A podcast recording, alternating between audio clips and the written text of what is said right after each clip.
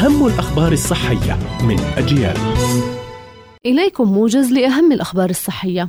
حذر خبراء في مجال الرعاية الصحية من خطر العواقب الثانوية للزلزال في تركيا وسوريا وخاصة في المناطق الواقعة في بؤرة الزلزال. ويمكن أن تنتشر العدوى في كافة أنحاء العالم.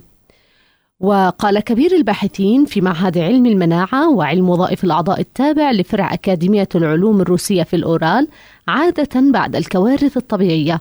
يلاحظ انتشار واسع للأمراض المعدية.